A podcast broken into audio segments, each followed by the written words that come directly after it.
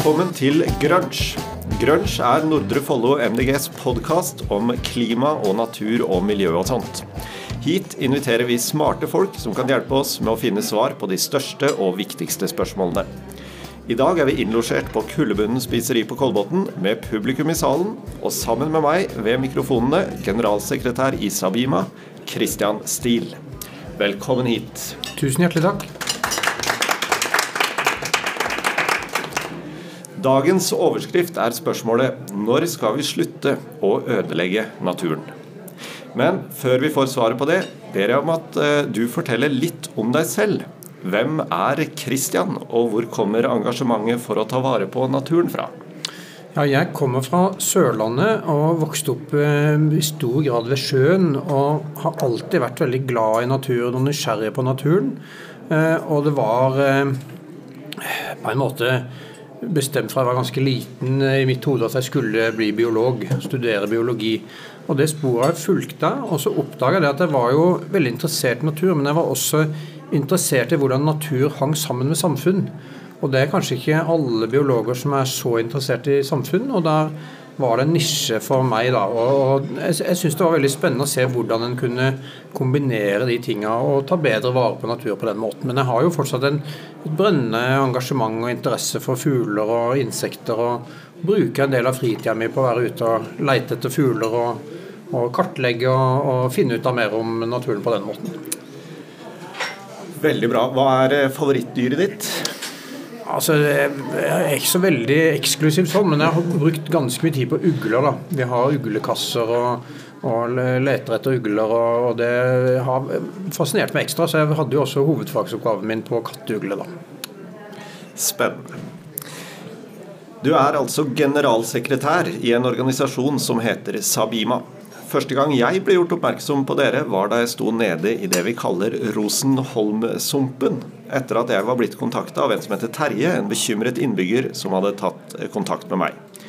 Bak oss sto da en gravemaskin som bygde sykkelvei så tett innpå at vi var redde for at hele sumpen skulle bli drenert. Gode råd var dyre, jeg visste ikke helt hva vi skulle gjøre, men Terje visste råd. Han sa vi må ringe Sabima. Ja vel, tenkte jeg og lurte på hva slags ord det var. Men som sagt så gjort, og siden har ikke jeg sett meg tilbake.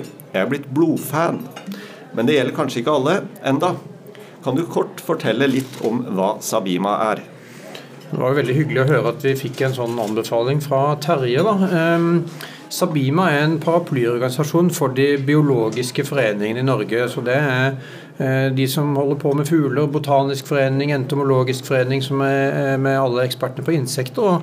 Og alle disse foreningene laget Sabima som en paraply for litt over 25 år siden for å stå sterkere sammen, for å samarbeide fordi alt i naturen henger sammen, men også for å få en, en stemme inn i politikken.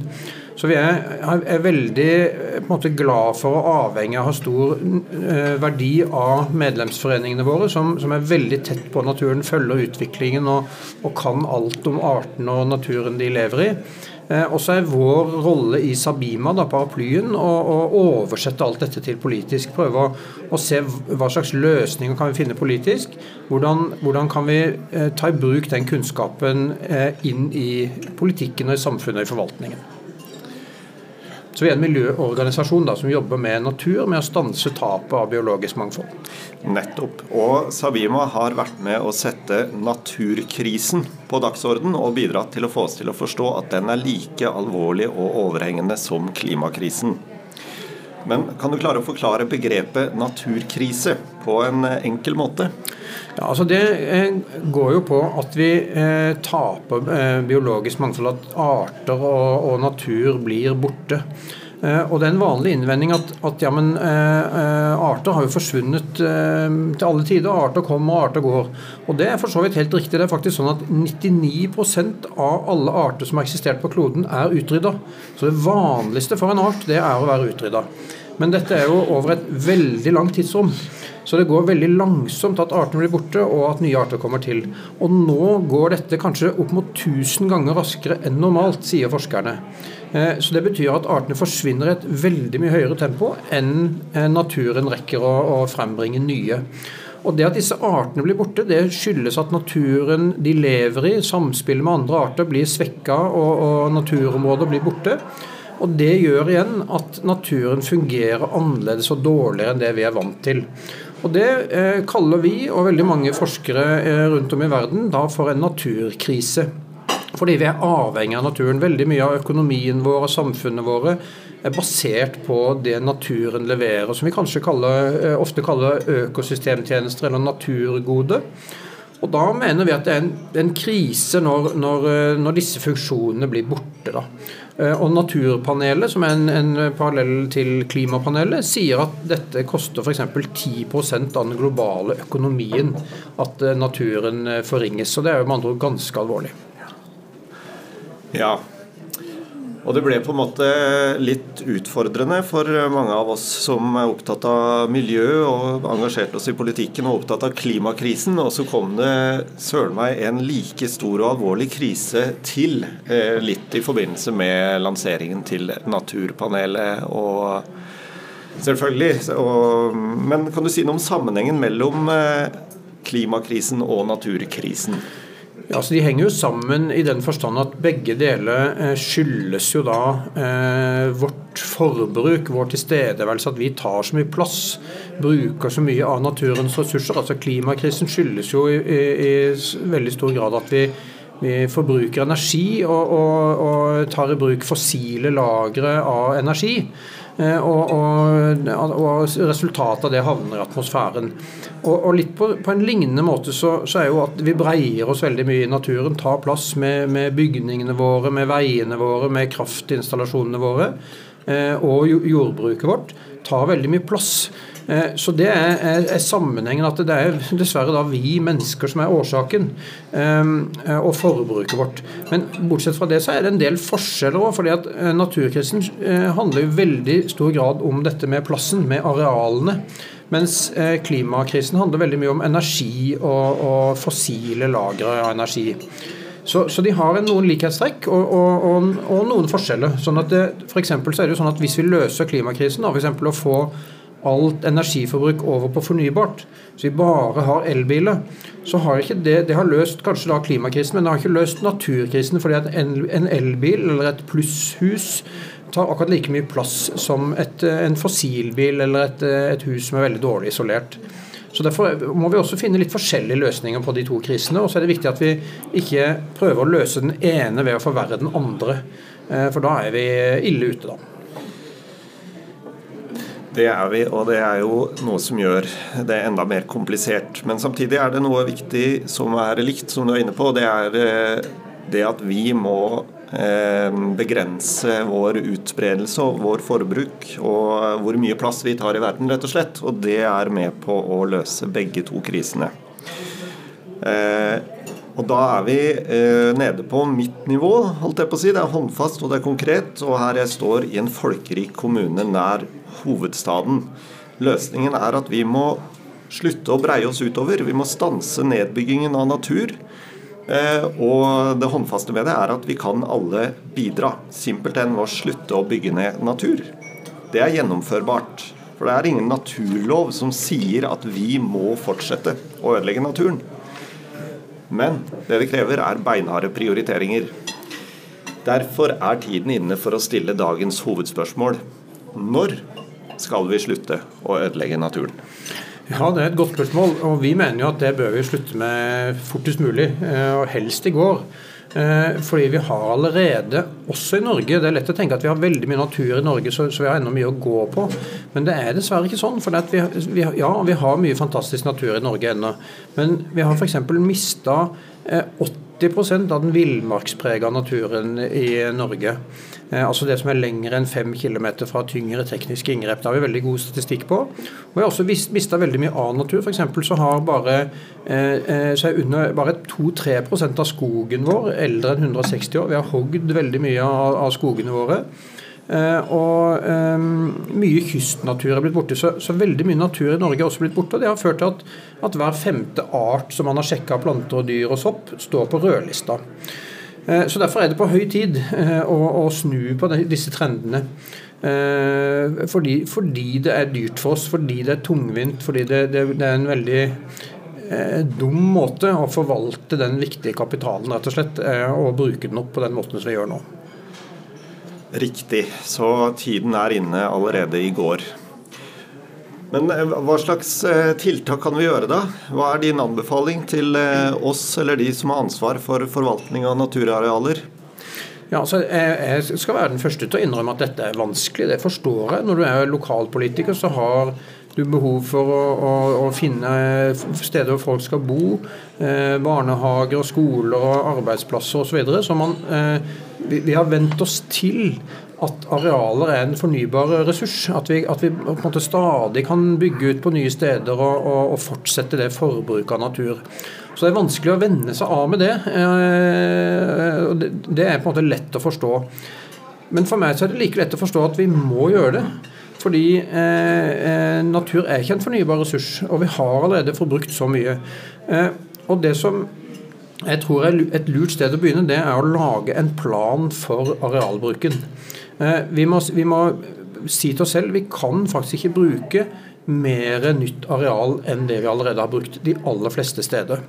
Eh, så Derfor har vi lansert dette ordet som vi eh, kaller arealnøytral. Altså at vi må ha balanse i arealregnskapet. Alle har jo forstått at vi skal bli klimanøytrale eller karbonnøytrale. Vi kan ikke fortsette å tilføre atmosfæren stadig mer karbon. Og på akkurat samme måte så, så, kan vi ikke fortsette å ta i bruk stadig nye arealer. Og Det betyr ikke at det blir stopp i all utbygging, men det betyr at vi må bygge der vi har bygd fra før. Og hvis vi er nødt til å bygge på et nytt areal, så må vi eh, restaurere, reparere noe natur av tilsvarende kvalitet et sted i nærheten. Og På den måten kan man da få balanse i arealregnskapet. Det betyr at hvis vi er helt nødt til å bygge ut noe i ny natur, for dette er bare der det kan ligge, ja vel, så kan man få til det ved å kompensere. Og da, eh, da får du en slags mekanisme som gjør at, at, der hvor det er veldig vanskelig å reparere natur, der blir det også veldig vanskelig å gi tillatelse til å ødelegge natur. Eh, og da styrer du arealbruken dit hvor den gjør minst skade. Dette høres eh, eh ut som noe som kan fungere i teorien. Eh, er det praktiske eksempler på at noen har begynt å prøve å jobbe på denne måten? Ja, Vi har jo sett det her i Nordre Follo, da. Du fisker kanskje etter det svaret? Ja. Eh, så, så vi er ganske begeistra for den eh, politikken som er vedtatt i Nordre Follo, hvor man har satt i, vedtatt i, i kommuneplanen politisk vedtak om at dere her skal være arealnøytrale. Og Vi følger jo veldig spent med på det, også med i, i forskningsprosjekter og utviklingsprosjekter sammen med dere og med fylkeskommunen og med forskere. For, for, å se hvordan vi kan få til dette i praksis. For Som jeg sa i, i stad, så, så, er dette komplisert og, og vanskelig, og, og, vi sikkert møter motstand. For vi, vi trenger liksom denne utviklingen, eh, mener mange. Og så tror jeg samtidig at, at man vil se at dette er veldig fornuftig. Eh, at, eh, at, for innbyggerne i en kommune så, så, er det veldig smart å ta vare på naturen, på nærnaturen og på der man driver friluftsliv, og på den naturen som, som har insekter som pollinerer maten vår, og, og, som renser vann og demper flom. og Det er på en måte en, en lang rekke av disse økosystemtjenester som naturen leverer, og som jeg tror de fleste innbyggere ønsker å fortsette å ha. Jeg tror også at de fleste politikere ser at det er smart. Ja, men litt tilbake til det du sa med arealregnskap. og Hvis man skal begynne å tenke at noen ganger så går det an å bygge ned natur hvis man kompenserer. Eh, men hvordan skal man regne på det? Er det areal for areal, eller er det andre måter man kan eh, ja, vi, har, vi, har, tenkt at det er lurt å gjøre dette areal for areal.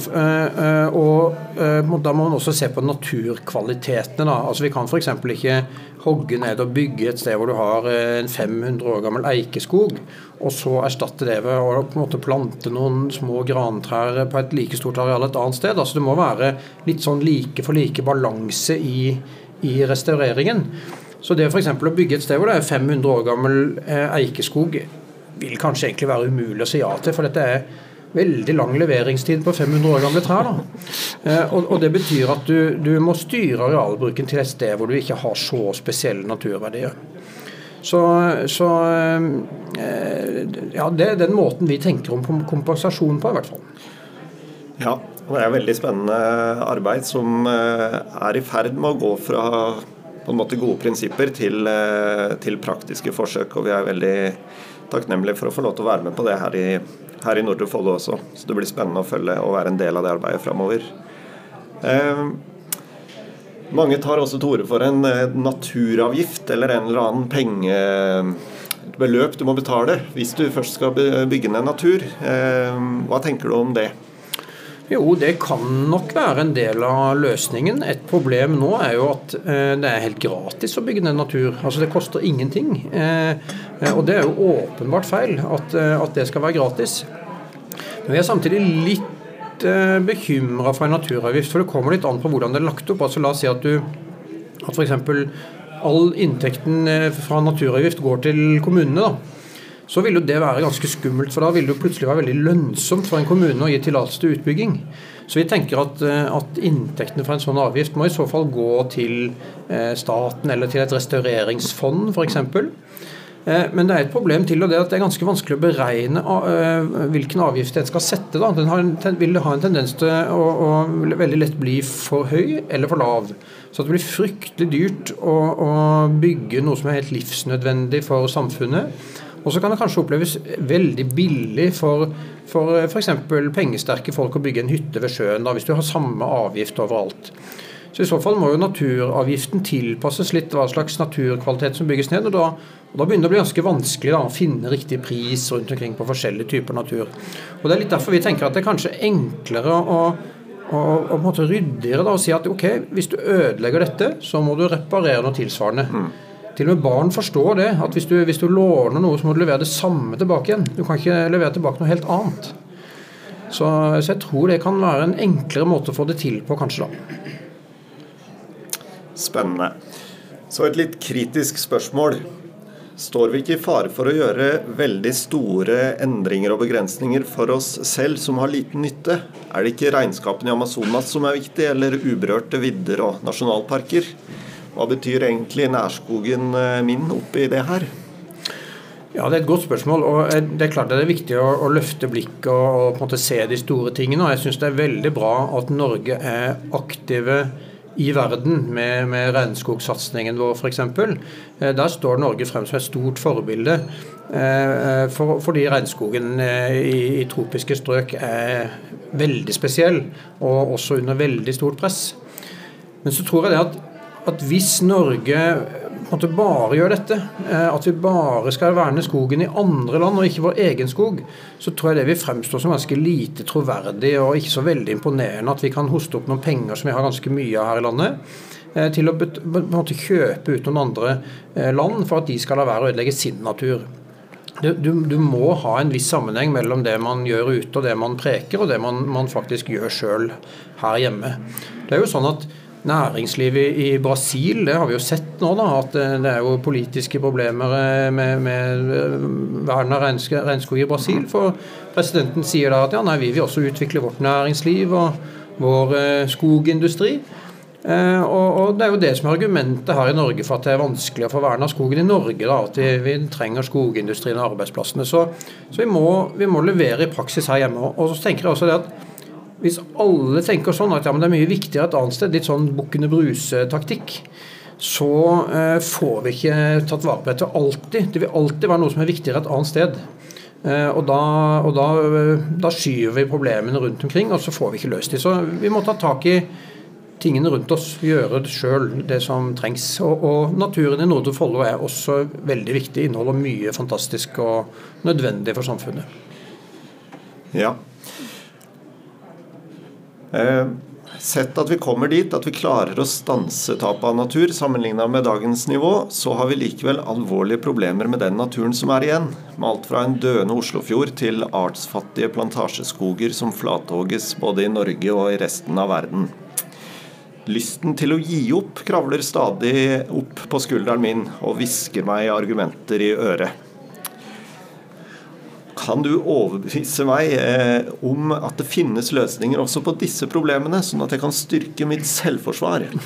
ja, Det er klart det kan være fristende å, å, å bli litt motløs og, og, gi opp og kanskje heller bare seile med strømmen og tenke at noen andre får fikse det, eller dette, dette går ikke uansett. da. Eh, og det er klart at For meg også, da, som jobber med naturvern og miljø hver dag, så, så er det, jo, eh, det er jo en del tap vi går på, og, og motstand og motbakke. Men så ser jeg samtidig at det har skjedd enorme fremskritt. Eh, vi, vi har jo jobba med arealnøytralitet. Det var vi som lanserte det ordet for ca. ti år siden. Og nå i, like før jul så ble det ordet kåra av Språkrådet til det tredje beste nyordet i 2021. Og Det var vi skikkelig stolt over. Jeg synes det var eh, fantastisk. Og det, det har ligget liksom litt sånn eh, og, og lurt i bakgrunnen eh, lenge.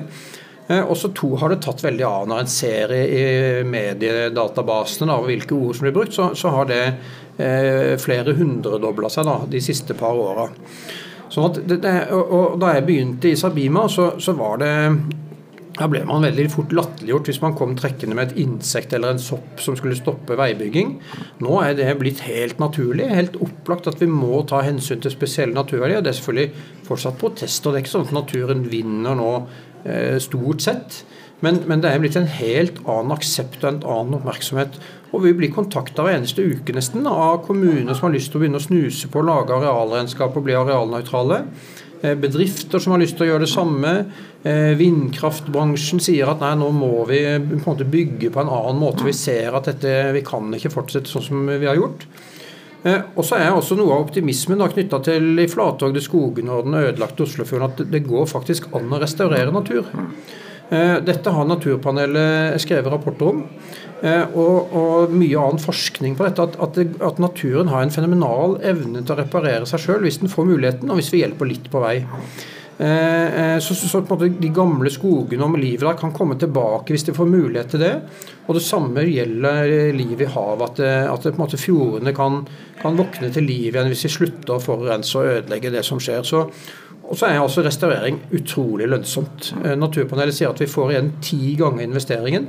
Så det er liksom bare å, få forklart og demonstrert dette for politikere, og kanskje ikke minst også for næringsliv. Så, så, vidt så tror jeg vi vil se at det vil komme en bølge av restaurering av natur. Eh, for det må vi. Det holder ikke bare å verne det som ikke er ødelagt til nå. Vi må gjenskape mye av det som er ødelagt. Og det vil være fryktelig smart å gjøre.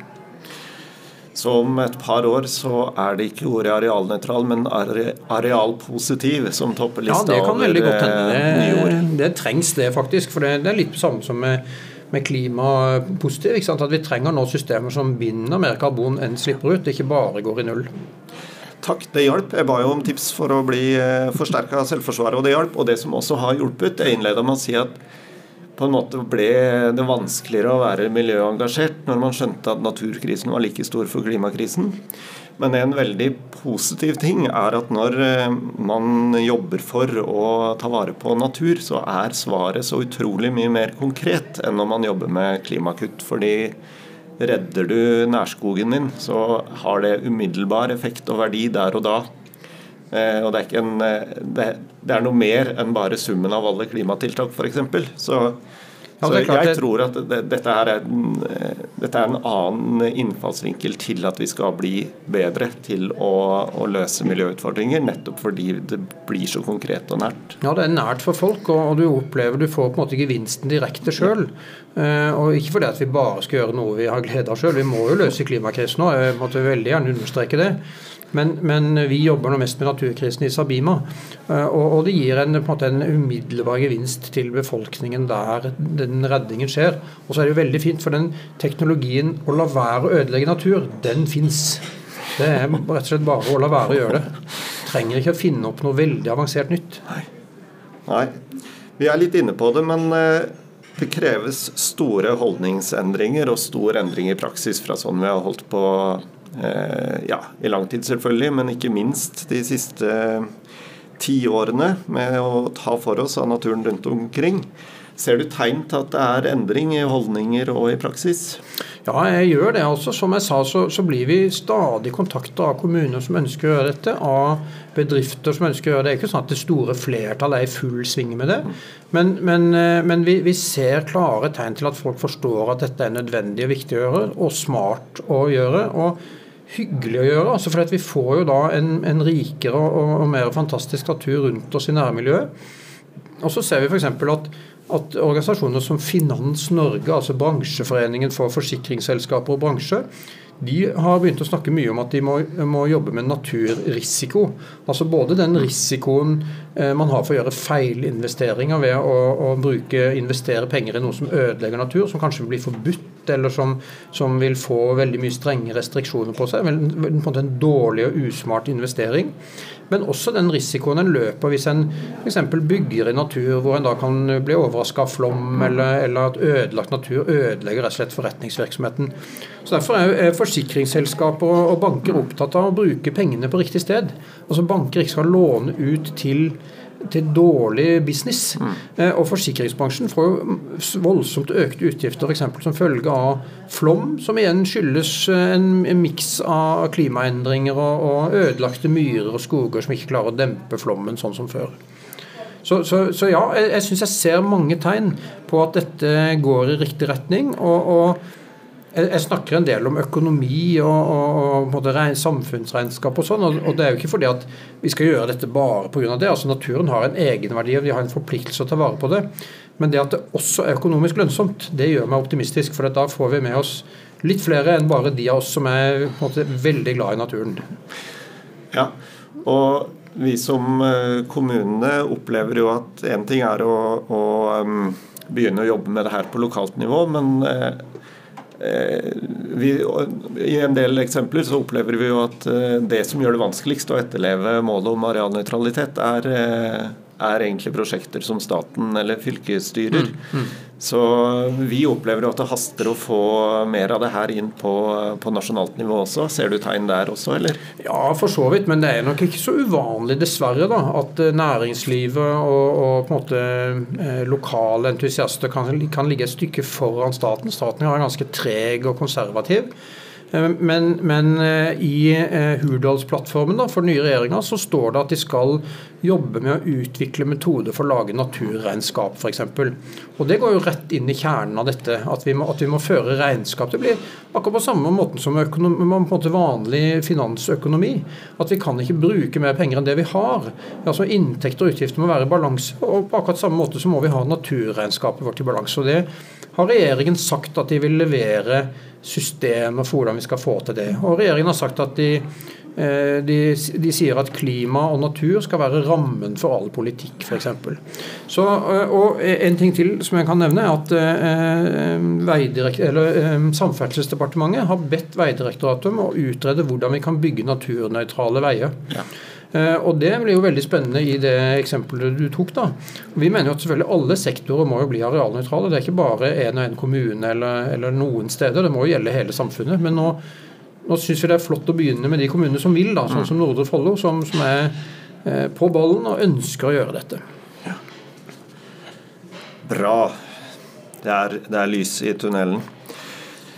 Eh, jeg fikk inn et spørsmål fra, fra, en jeg spurte på forhånd om hadde noen uh, ting jeg burde spørre deg om. og da, Det er faktisk flere av de spørsmålene jeg har stilt nå som har vært prega av det innspillet. Men uh, et godt spørsmål som uh, kan passe nå når vi nærmer oss slutten, det handla om at vi, vår generasjon, vi kan kanskje i beste fall begynne å klare å stoppe bremsingen og starte snuoperasjonen. men det er de kommende generasjonene som får de virkelig store utfordringene. Så eh, spørsmålet er som følger hvordan kan vi legge opp utdanningsløpet med kontakt til alle naturens verdier, slik at neste generasjon klarer å fullføre redningsaksjonen for planeten? Ja, Det er et godt spørsmål og et ganske stort spørsmål. Nå er ikke jeg heller noen, noen utdanningsekspert. Eh, så det, det, er det sikkert mange som kan noe Men jeg tenker at ja, de kommende generasjonene får eh, en del utfordringer som de må løse, som ikke vår generasjon har klart.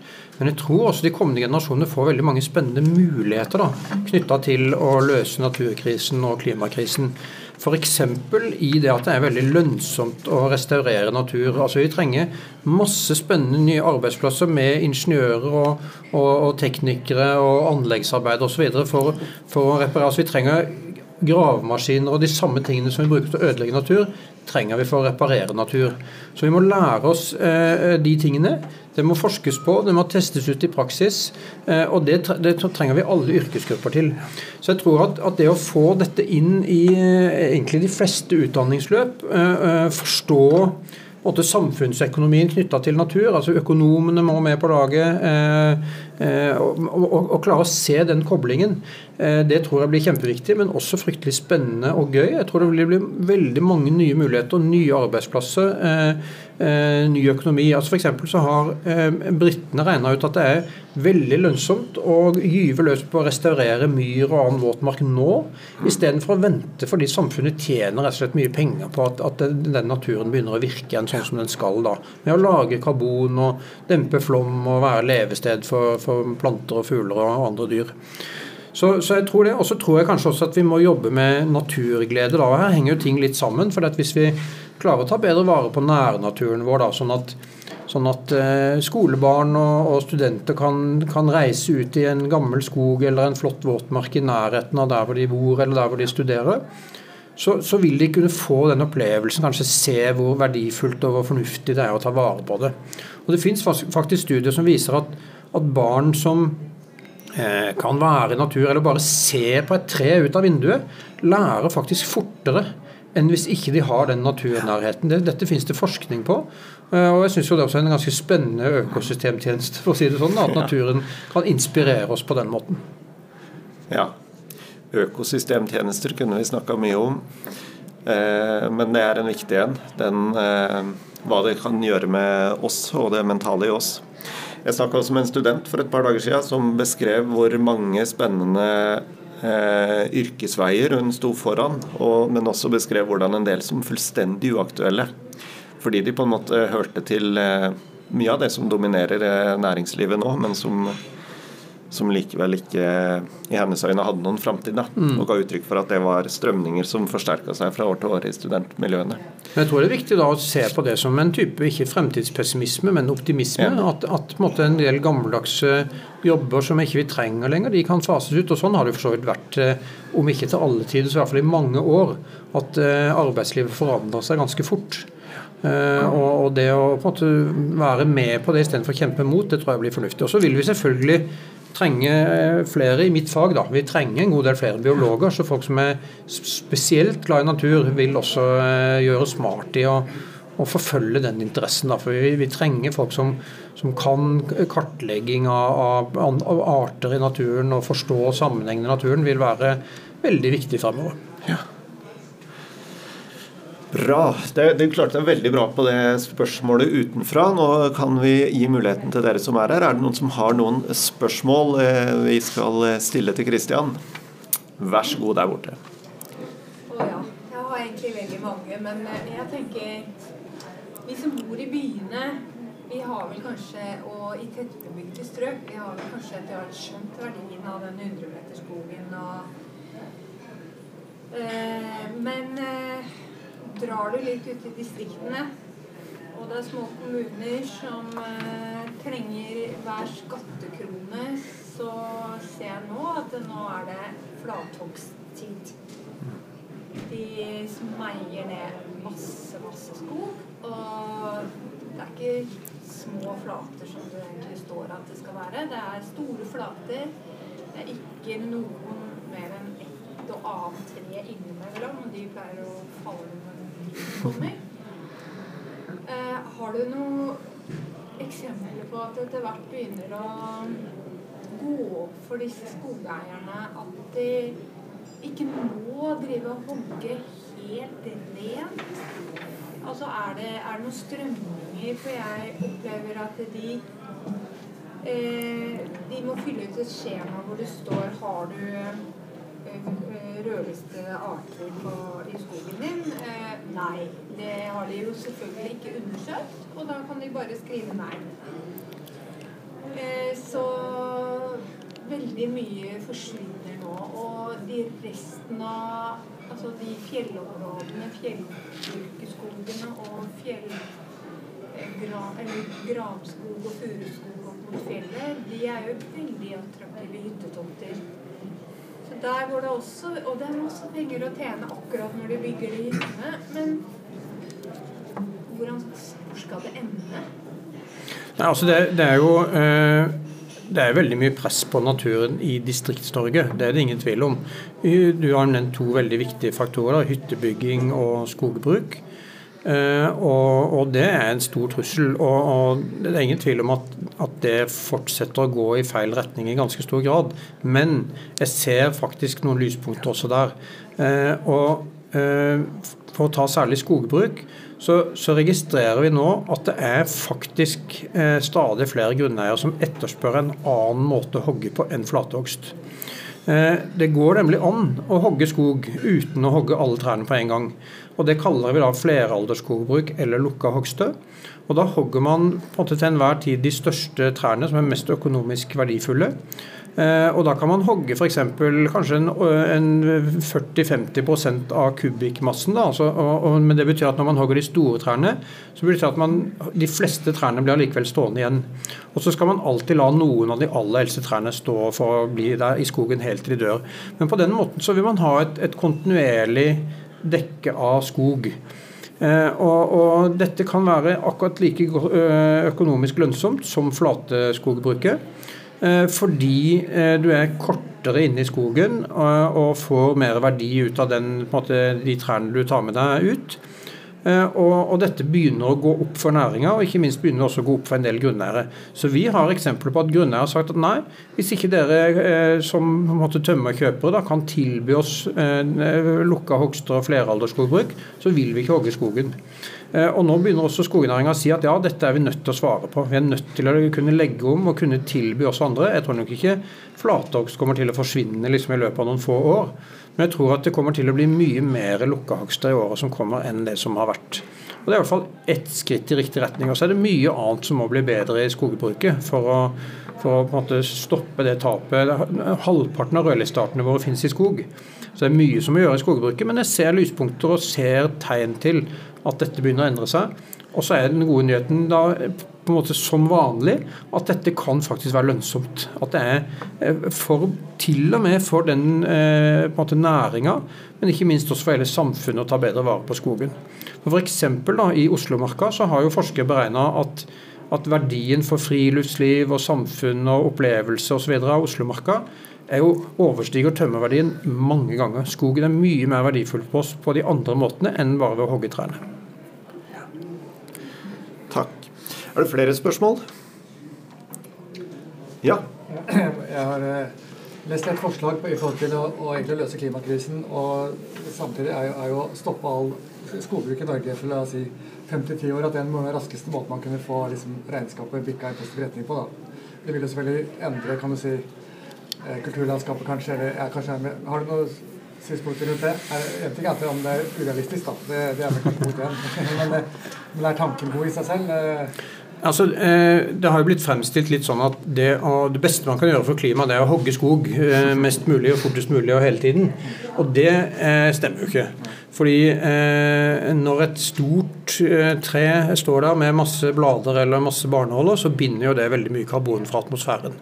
Og Når du hogger det og erstatter det med et bitte lite tre, selv om det bitte lille treet relativt sett vokser mye raskere enn det store, gamle treet, så vil det allikevel i veldig mange tiår binde mye mindre karbon. Så det klimaregnskapet går i minus. Men så trenger vi jo trevirke. da, Det er en fornybar ressurs, og vi trenger trevirke til veldig mange ting i samfunnet. Til å lage materialer og energi og egentlig alt man kan lage av olje eh, av forskjellige plastprodukter, kan man også lage industrielt fra tre. Sånn at jeg tror at det er fornuftig å fortsette med skogbruk i Norge. Men vi må gjøre det på en annen måte. F.eks.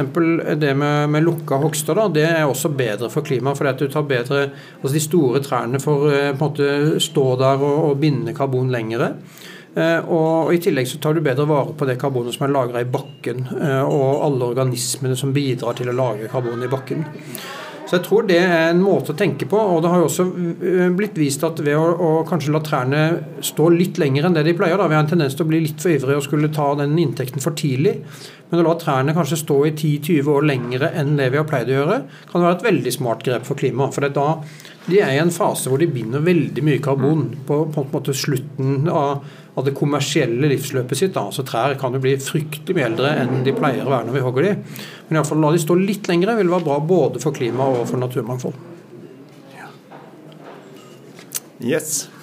Så ser du at uh, flere andre kommuner også begynner å vise interesse for skogrestaurering med økologiske korridorer hvor artene kan eh, vandre, og sånne øyer.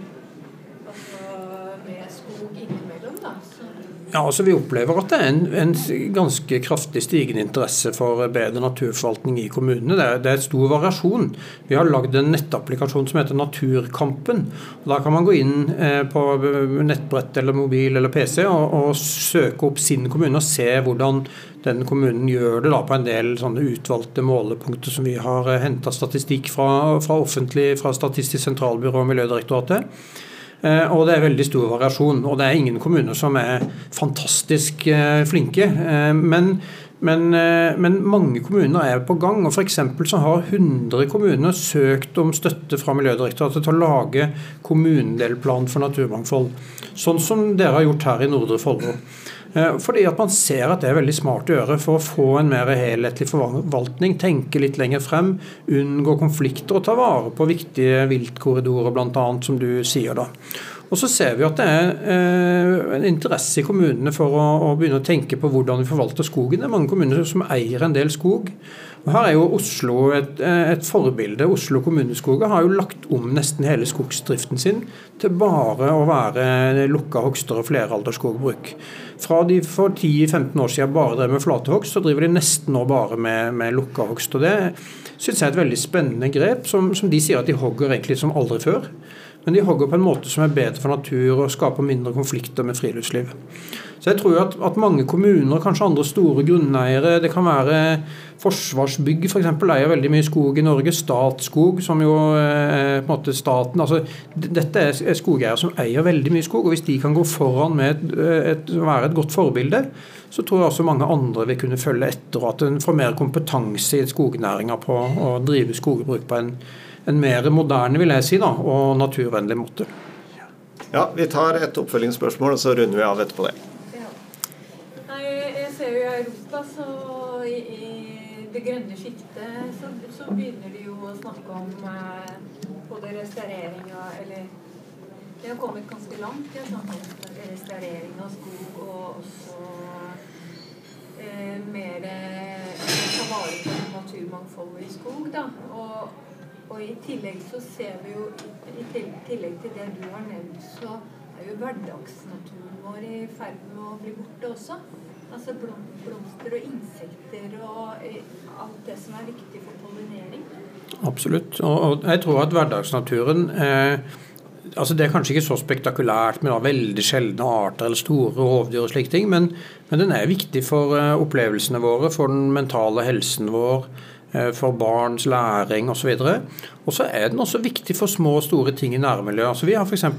vært hos bønder som driver og produserer rødkløverfrø, da, for å være veldig konkret. Og Det er jo en viktig innsatsfaktor i landbruket å ha ofte et omløp med kløver på, på åkeren. At det tilfører nitrogen til jorda, og det kan være bra fôr for, for dyra osv. Men for at du skal kunne ha det, så må du jo få tak i rødkløverfrø. Og det er det da noen som produserer. De er helt avhengig av humle, for dette er bare humle som, som klarer å pollinere kløverblomsten på en ordentlig måte, fordi at humlen har veldig lang tunge. Eh, og, og, disse humlene viser seg å ha gått ganske tilbake i landskapet vårt. Det er ingen som er forsvunnet helt, men kanskje bestanden er redusert med 50-60-70% Vi vet ikke det nøyaktig.